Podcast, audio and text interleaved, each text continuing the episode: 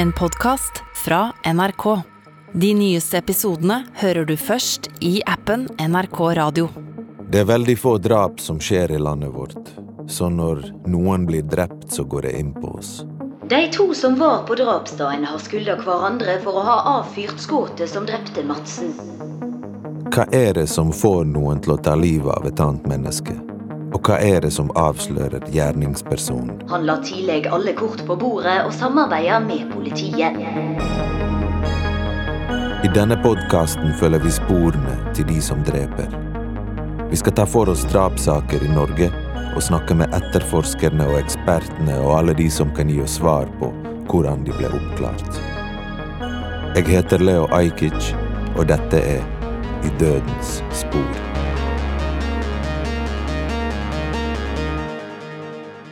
Dette er del tre av tre om Åsane-saken.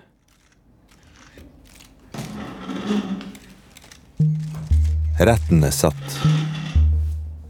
På tiltalebenken sitter tre menn. De er tiltalt for å ha skutt og drept en 29 år gammel mann i sitt eget hjem. Oljearbeideren Øyvind Bjarte Madsen. Den ene av de tiltalte er høy og skallet. Kallenavnet Etossen. I rettssalen bruker de navnet hans, Tor Helge Flaten. Han var den første som ble arrestert. Damen hans hadde fortalt en venninne om drapet, og da venninnen fortalte dette videre til sin onkel, gikk onkelen til politiet. Den andre av de tiltalte forblir anonym. Avisene kaller han bare for Medhjelperen. Han ble arrestert da en venninne fortalte politiet at han hadde skrytt av å ha drept Øyvind. Etter noen uker i varetekt tistet han på Flaten. På grunn av dette sitter det en politimann mellom han og Flaten under hele rettssaken.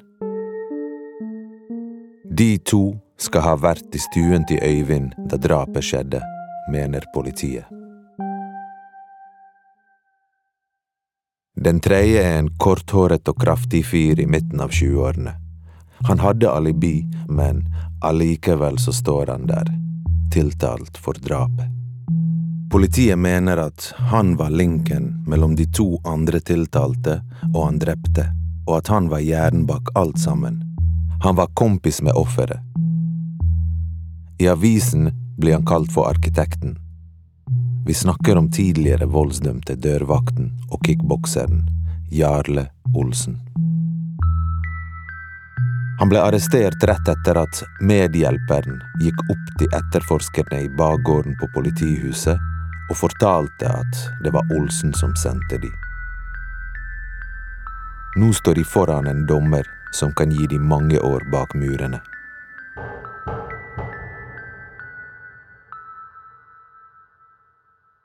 Jeg jobbet jo da som nyhetsjournalist og krimjournalist i Bergen, og uh, denne saken, Åsane-saken, var den desidert største krimsaken i Bergen på den tiden. Gard Steiro, redaktør i VG og tidligere BT-journalist, blant annet. Jeg ble satt til å dekke rettssaken, og det var en, det var en utrolig spesiell rettssak, syns jeg, da. For det første var det et spesielt persongalleri der inne. Dette var jo Altså, han som da var den hovedtiltalte, Jarle Olsen, var vel en av de Det som ble oppfattet som kanskje en av de mest sånn eh, beryktede kriminelle i Bergen på den tiden. Han var jo kickbokser, han hadde jobbet som dørvakt og hadde et veldig spesielt rykte. Mm. Det var egentlig det jeg ville spørre om, hvordan stemningen var inne i rettssalen. For det var jo en åpen sak der media fikk komme, og du var en av de som var der. Det var jo helt fullt fullt av pressefolk som fulgte det, og en del som kjenninger av disse som var innom. Mm. Men, men, det var en ganske spent stemning, syns jeg, spesielt i første runde. Spent på hvilken måte, da? Jeg tror du må forstå at denne rettssaken Dette var jo De som var involvert i denne rettssaken, de var mange redde for. Mm. Altså, det var en sånn litt spesiell tid, dette, for du hadde jo Jeg vil si at du hadde en del sånn kriminalitet i Bergen på den tiden som var litt grenseoverskridende og litt unormal, og mye av det handlet jo om noe av det handlet iallfall om dette miljøet som, eh, som var involvert i Åsane-drapet. Så jeg oppfatter det som at Flaktveit-gjengen, sant? Flaktveit-gjengen, den myteomspunne Flaktveit-gjengen. Men hadde du skrevet noe om de før denne saken, eller var Nei, ikke det lite. din lite. Men, eh, men det er klart, jeg tror eh, bergensmedien på en måte Om man hauset opp denne Flaktveit-gjengen, eh, vet jeg ikke, men den, den var jo, denne gjengen var jo beryktet. Jeg vil jo litt så usikker på å si om dette var en gjeng. Det var vel mer en sånn en gruppering av ungdommer da, som kom fra Flaktveit. Det var et, en bydel, altså en liten del av Åsane, som var en sånn klassisk forstad. Hadde vokst veldig fort, og så var det litt dårlig infrastruktur og dårlig ungdomstilbud og mange, veldig mange ungdom på samme alder. Og så var det da noen her i dette miljøet som eh, ble kriminelle.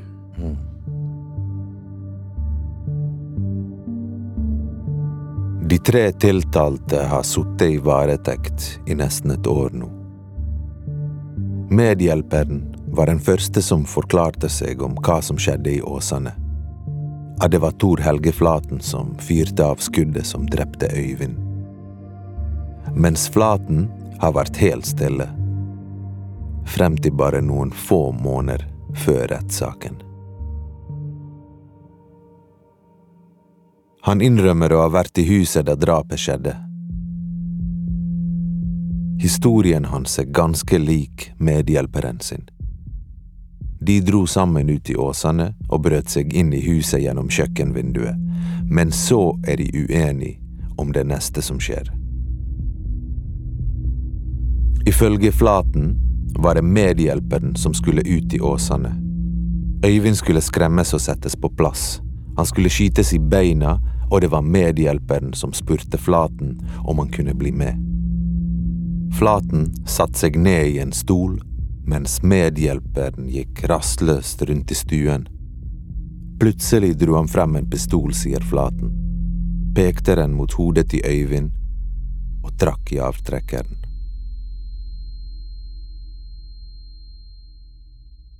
Tor Helge Flaten og medhjelperen skylder nå på hverandre. Men hvem er det som snakker sant? Det Flaten ikke har et godt svar på, er hvorfor Øyvind Bjarte Madsen måtte dø.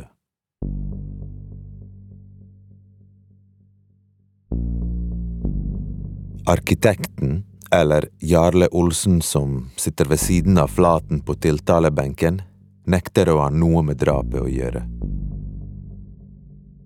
Men politiet har sin egen teori på hva som skjedde i Åsane den morgenen. Her får du høre påtalemyndighetens forklaring på hvorfor Øyvind ble drept i sitt eget hjem.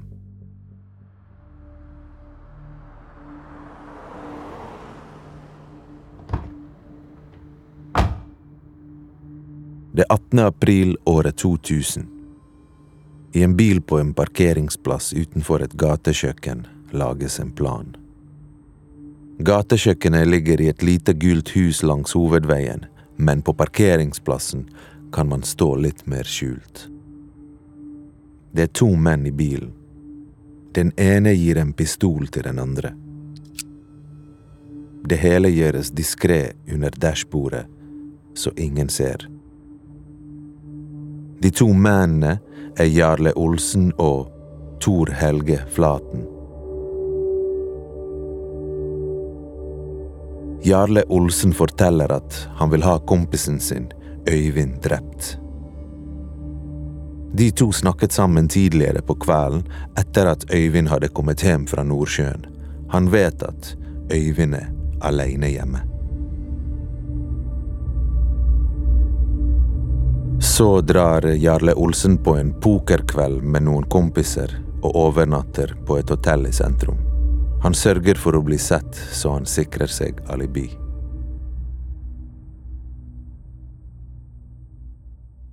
Men hvorfor ville Jarle Olsen drepe sin egen kompis?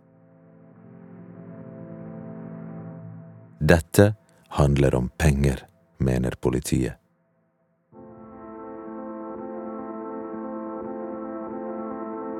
Store deler av amfetaminsalget i Bergen gikk gjennom Jarle Olsen på den tiden. Han fikk det fra en MC-klubb i Oslo, Og det var Øyvind som kjørte det over fjellet etter å ha vært på jobb i Nordsjøen.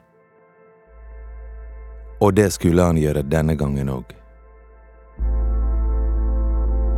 I bilen skulle han ha med seg 350 000 kroner som skulle leveres til MC-klubben. Dette var penger Jarle Olsen skyldte. Men han hadde de ikke. Han var blakk.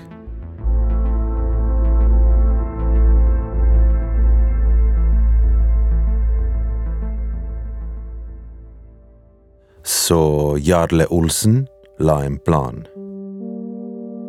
Han skulle få Øyvind drept og spre et rykte om at pengene lå i huset hans.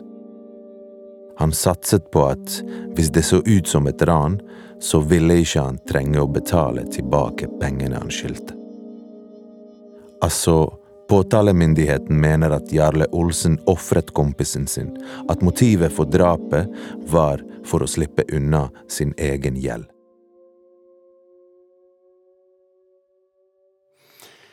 Det er jo gjerne penger som drivkraften bak mye av kriminaliteten. Sant? Det å ønske å ha eh, et fint liv. Det er gjerne drivkraften for veldig mange av de som driver med profittrelatert kriminalitet. Rune Utne Reitan, politioverbetjent fra Kripos. Så det er klart at når pengene uteblir, så øker jo det risikoen for eh, represalier. Da går du ikke til namsmannen eller til inkassobyrået, sant? fordi det er jo et illegalt eh, krav. Og det er jo, så det er jo en høy risiko med å ta på seg gjeld så du ikke vet om du kan betjene i et kriminelt miljø, nettopp fordi at du da ikke får brev fra namsmannen, men da kan du risikere å få noen på døra. Altså, jeg, jeg har ofte før hørt liksom Norge har ikke gangstere, det finnes ikke gangstermiljø her og sånn. Det er ikke farlig her. Hva sier du? Nei, vi har jo veldig eh, eh, heldigvis veldig lite sånn alvorlig kriminalitet i Norge sammenlignet med alle andre land. Norge er et veldig sånn fredelig land, heldigvis. Mm. Men vi har jo kriminelle miljøer i, i Norge. Mm. Bestillingsdrap har vi nesten ingen av. De fleste drapene skjer i, i familieforhold. Eh, mm. Eller annen sånn relasjonsdrap. Så vi har jo forsvinnende få av denne typen drap så er liksom på bestilling fra noen, da. Heldigvis. Så vil du kalle bestillingsdrap ekstremt, kanskje? Ja, jeg vil si det. I, I, norsk sammenheng så er det veldig eh, ekstremt. Men de som, dere må jo ha torpedoer, på en måte. Folk som tar sånne oppdrag, krever inn penger, skremmer andre, knekker noen bein. Men dere har ikke noen sånn profesjonelle leiemordere? Nei, ikke, nei, det har vi ikke hatt. Vi har ingen som har på en måte pekt seg ut som det som yrkesvei, nei. Hvor, hvor bestiller man fra, da? nei, det må du ikke spørre meg om.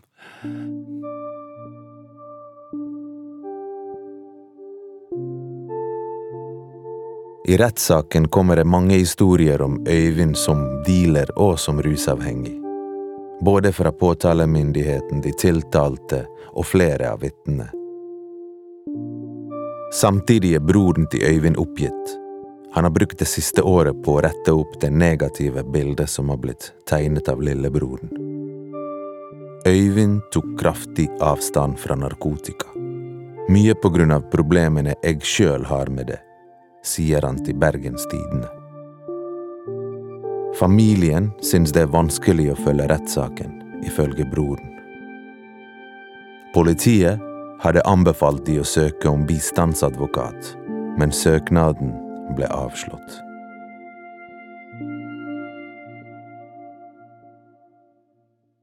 En bistandsadvokat er advokat for den fornærmede, altså den som har vært utsatt for en straffbar handling. Ina Strømstad, tingrettsdommer i Oslo tingrett. Og han eller hun eh, informerer om saken, om etterforskningen, om hvordan den eh, går. Fremmer erstatningskrav. Og så er det eh, en viktig oppgave også å være litt sånn moralsk eller psykisk støtte for, for fornærmede. Mm. Altså I denne saken så ble det søkt uh, uh, om bistandsadvokat. Det var familien til den, uh, til den avdøde broren som søkte, men han fikk det ikke.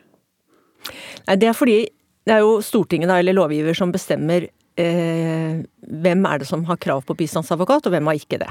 Er det klare liksom, regler, eller er det forskjellig fra sak til sak at, han, at man må vurdere?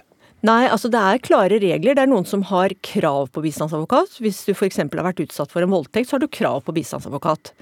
Og så er det de som er blitt alvorlig skadet, fysisk eller psykisk, de har også krav på bistandsadvokat.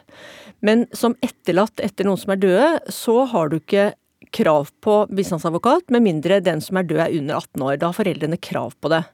Men så som i denne saken her, så har de ikke krav på det. Og da er det veldig sånn snever eh, eller trangt nåløye da, for allikevel å få det. Da skal det være særlige grunner, som det heter. Og, så det skal ganske mye til, fordi du skal ha et behov da, for å ha en bistandsadvokat.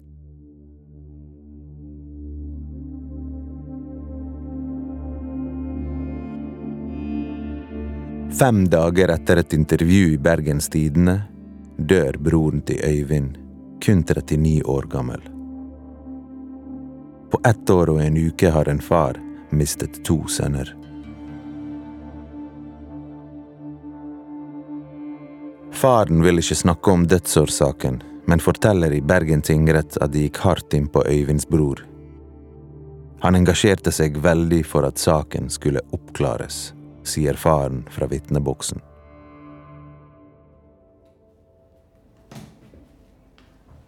Blikket til Øyvinds far møter blikkene til de tiltalte. Han peker på Jarle Olsen. Er han tiltalt, han som sitter og flirer der? spør han. Aktor bekrefter.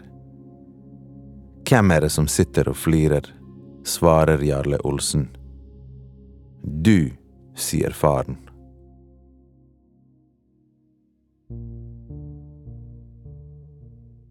Rettssaken får mye oppmerksomhet i Bergen, men i resten av landet går den litt under radaren, fordi det er to andre saker som tar mye mer oppmerksomhet.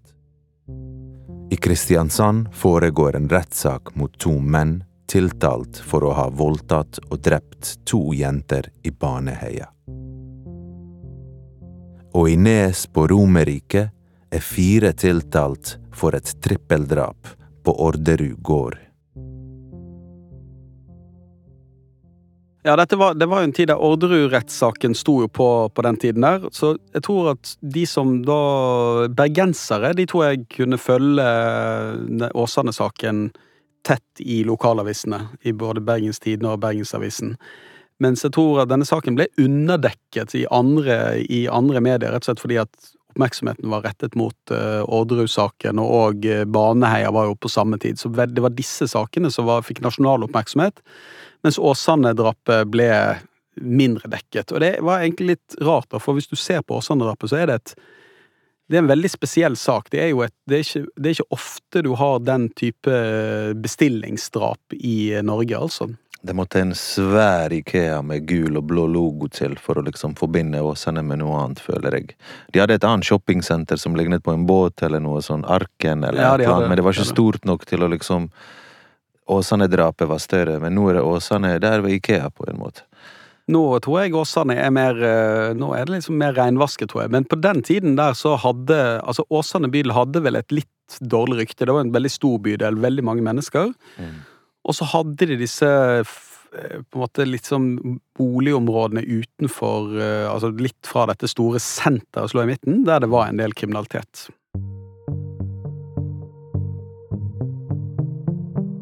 Journalistene fra Bergens Tidende følger nøye med på Åsane-saken, og de møter opp i tinghuset nesten hver dag.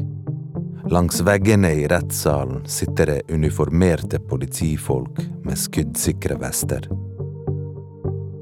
Flere vitner blir bedt om å fortelle det de vet om drap. Et vitne får over 100 spørsmål fra aktor. Han gir det samme svaret på alle. Jeg husker ikke.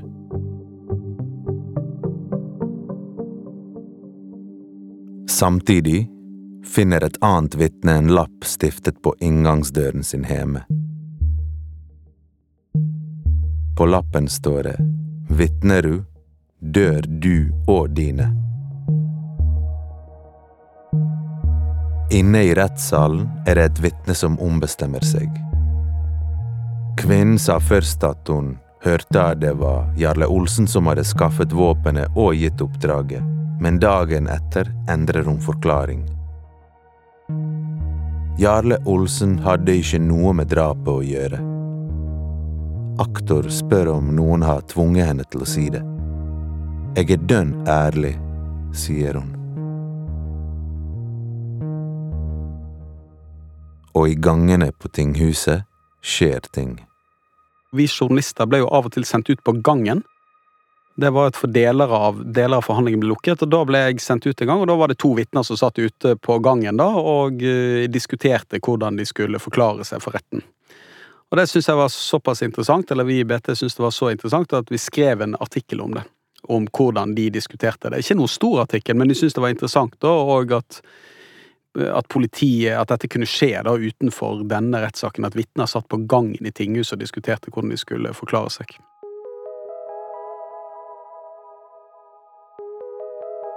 Altså Utgangspunktet er at et vitne og en fornærmet eh, har plikt til å snakke sant. Du må snakke sant. Og at det egentlig er straffbart å ikke gjøre det. Hva er straffen, da? Hva er risken? Ja, eh, du kan si eh, Straffen kan være typisk eh, bot eller til og med fengselsstraff.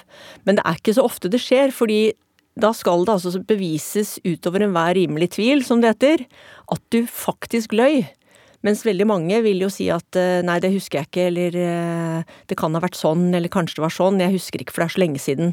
Og da er det jo vanskelig å ta noen i løgn, selv om vi skjønner kanskje at de vet mer enn de, enn de sier.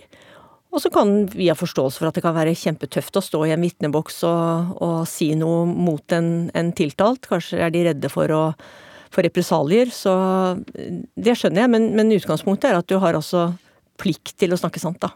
Hvordan skal en dommer forholde seg til at kanskje vitnet lyver, da? Du kan si i en straffesak så så sitter vi jo og hører, får masse informasjon. Vi får en forklaring fra tiltalte, så får vi en forklaring fra fornærmede, og så er det eh, kanskje noen vitner eh, som kanskje lyver de, kanskje lyver de ikke. Eh, og så får vi en del eh, skriftlige bevis. Og så sammen må vi se på hvordan ser disse bevisene ut etter å ha hørt alt dette. Er vi da overbevist om at tiltalte er skyldig? Så dømmer vi, og hvis vi ikke er overbevist om skyld, så frifinner vi. Mm. Og til de vitnene som eventuelt uh, lyver, så er, betyr det jo bare at vi ikke legger vekt på den forklaringen fra vitnet. Uh, og så er det heller opp til uh, aktor i saken, da. Mm. å tenke at ok, her var det et vitne som løy. Er dette noe jeg bør gå videre med, og kanskje etterforske det vitnet? Mm. Det skjer veldig veldig sjelden. Så det er ikke ofte de får straff. I filmer av og til jeg har sett noen som på en måte ikke skal dømmes tar for mye plass, snakker negativt til dommeren, og så gir dommeren de liksom 40 dager fengsel på stedet, liksom. Ja, Det er og amerikanske kun... filmer. Ja, det er bare filmer ja, igjen. Ja, det skjer ikke hos oss. Det er veldig lite sånn uh, objection og overrule og det, det går Så det er, så, det er ikke så farlig å lyge i en rettssal, da? Jo, altså det er jo farlig fordi det er uh, uh, Det kan jo gjøre at utfallet av saken blir feil. og det er jo kjempealvorlig. 8. juni 2001 kommer dommen. Over et år har gått siden Øyvind Bjarte Madsen ble funnet skutt i hovedet i heimen sin i Åsane i Bergen. I dag faller dommen i Bergen byrett, der kun én av de tre tiltalte hadde møtt fram. Retten mener Tor Helge Flaten visste at han skulle på et drapsoppdrag, men de kan ikke være sikre på om det var han eller den såkalte medhjelperen som skjøt. Flaten får 18 år i fengsel.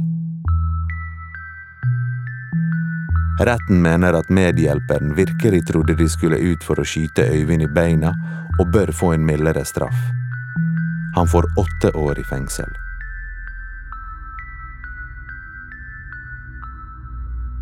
Og retten er ikke i tvil om hvem som har planlagt det hele. Jarle Olsen har kaldt og kynisk brukt andre til å utføre drapet, står det i dommen. Han får 21 år i fengsel. Men dommen fra tingretten er bare starten på mange runder i rettssystemet. Først anker de tiltalte til lagmannsretten. Historiene om det kriminelle miljøet i Bergen blir brettet ut på nytt. Forskjellen denne gangen er at Jarle Olsen innrømmer at han hadde noe med saken å gjøre, men påstår at han kun ba om at Øyvind skulle bankes opp. Han sier det var en såkalt smellejobb. For veldig mange kommer dommen som et sjokk. Alle tre frifinnes for drapet på Øyvind. Uh, og dette var jo en av de sakene der det var en jury som, uh, som frikjente han. Uh, og jeg husker at Jeg husker at Tor Helge Flaten husker jeg trakk et sånt stort lettelsens sukk.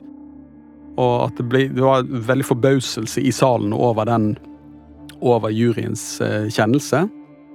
Men jeg husker at vi snakket med disse jurymedlemmene etterpå, noen av de, og stilte de spørsmål. Da var det litt ulike forklaringer. Det var noen som sa dette at bevisene ikke holdt, mente de. Men det viser seg at gleden er kortvarig. Etter fem minutter kommer fagdommerne ut igjen og sier at de setter frifinnelsen til side.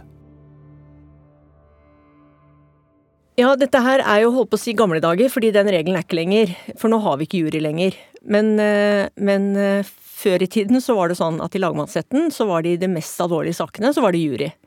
Eh, og der var det en, en jury på, på ti personer. Og så kunne altså fagdommerne, altså juristene, hvis de mente at den avgjørelsen som juryen kom med, at den var helt gæren, så kunne de sette den til side. Det skjedde, men ikke så innmari ofte. Så saken tas opp igjen. I november 2002, snart tre år etter drapet, kommer den endelige dommen. Det er den samme som den første. 21 år til Olsen, 18 år til Flaten og 8 år til medhjelperen. Men denne gangen er retten sikre på at det var Flaten som skjøt.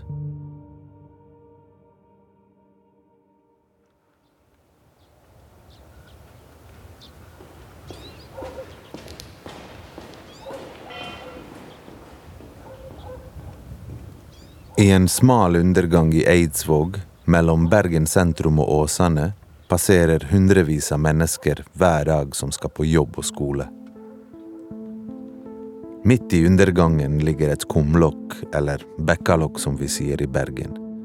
Og i den, under flere lag med all slags mulig drit og regnvann, ligger det en pistol.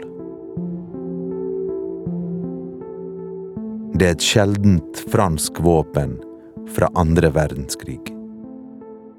I januar 2006 blir pistolen fisket opp av politiet i Bergen. Den er av samme kaliber som kulen som ble funnet i Øyvind Bjarte Madsen seks år tidligere. Det er Tor Helge Flaten som viser politifolkene hvor pistolen ligger. Han har nettopp innrømmet alt sammen. At det var han som drepte Øyvind, og at det var Jarle Olsen som han fikk oppdraget av.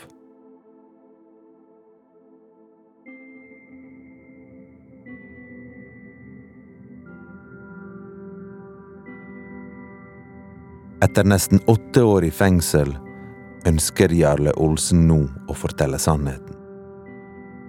I bilen på parkeringsplassen utenfor gatekjøkkenet kvelden før drapet var ikke det en smellejobb som var oppdraget, forteller Jarle Olsen.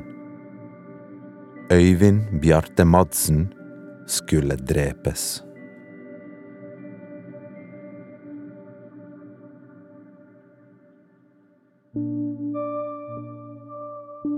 Samtidig har medhjelperen sonet ferdig dommen på åtte år. Men siden han vitnet mot de to andre tiltalte, går det rykter om at det er pris på hodet hans. Nå er han en av de få i Norge som lever under vitnebeskyttelse. Altså, dette lurer jeg på hvordan, men jeg får i hvert fall vite at han får et nytt utseende og nytt navn. Det eneste som knytter han til sitt gamle navn, er en postboksadresse. En gang før jul i 2008 sender advokaten et brev dit der han ber om et møte. Han får aldri noe svar.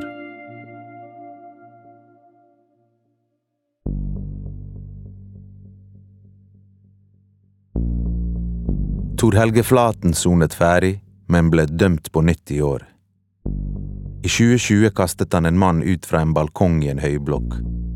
De skulle hjem til mannen for å samle inn gjelden hans. Da han ikke klarte å betale for seg, kastet de han ut fra balkongen. Mannen falt 16 meter, men overlevde med store skader.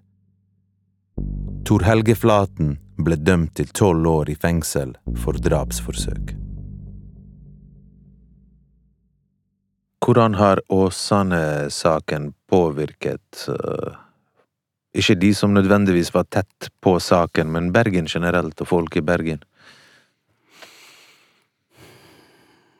Jeg tror uh, jeg, jeg, vet ikke hvor mye den har påvirket Bergen, men jeg tror den påvirket uh, Jeg tror den påvirket Åsane, jeg tror den påvirket Flaktveit. men jeg håper jo, hvis det kom noe godt ut av dette, så håper jo jeg at man lærte at den type bydeler som det Flaktveit og Åsane var på den tiden, når de vokser veldig raskt, så hvis man ikke liksom tar grep om og legger Sørger for at ungdom har noe fornuftig å gjøre og legger til rette for det, så kan det danne seg sånne subkulturer som dette som kan få litt uheldige utslag.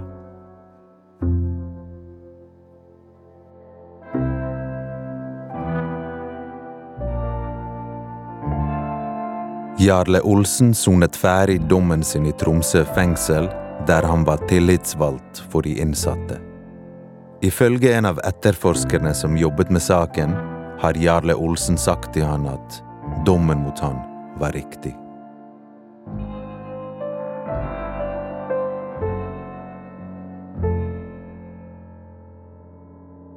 Du har hørt siste del om Åsane-saken. I neste episode skal vi se på en sjokkerende sak fra et hytteområde i Hafjell. En turgåer ser røyk i skogen og går nærmere for å se hvor det kommer fra. Det ryker fortsatt av det som ser ut som rester av et menneske. I Dødens spor er en podkast laget av Filt for NRK. Gard Steiro var journalist i Bergens Tidende og skrev om saken men ingen av de andre ekspertene vi har snakket med, har jobbet direkte med saken. Manus, klipp og lyddesign er av Ådne Riis Hallås. Lydmiks av Daniel Daatland. Kjenningsmelodi av Steven Romeo og musikk av Therese Aune. Produsent er Namra Salim. Redaktør i NRK er Ole Jan Larsen. Og jeg heter Leo Ajkic. Du har hørt en podkast fra NRK. De nyeste episodene hører du først i appen NRK Radio en podkast fra NRK. Dette er jo en podkast med meg, Lars Berrum, og deg, Martin Beyer-Olsen. Ja, det stemmer. Der jeg prater ja. egentlig veldig mye, og ja, så Stemmer det. Jeg har ikke hørt deg så mye i det siste. Nei, men nå er jeg oppe og nikker igjen. Ja. Hva har du å si, da? Nei, jeg tenker at uh, de filosofiske, endevendende, store tankene Og det mer banale. Da er podkasten Bærum og Beyer snakker om greier noe for deg. Absolutt. Det er i hvert fall vår mening. Bærum og Beyer snakker om greier hører du først i appen NRK Radio.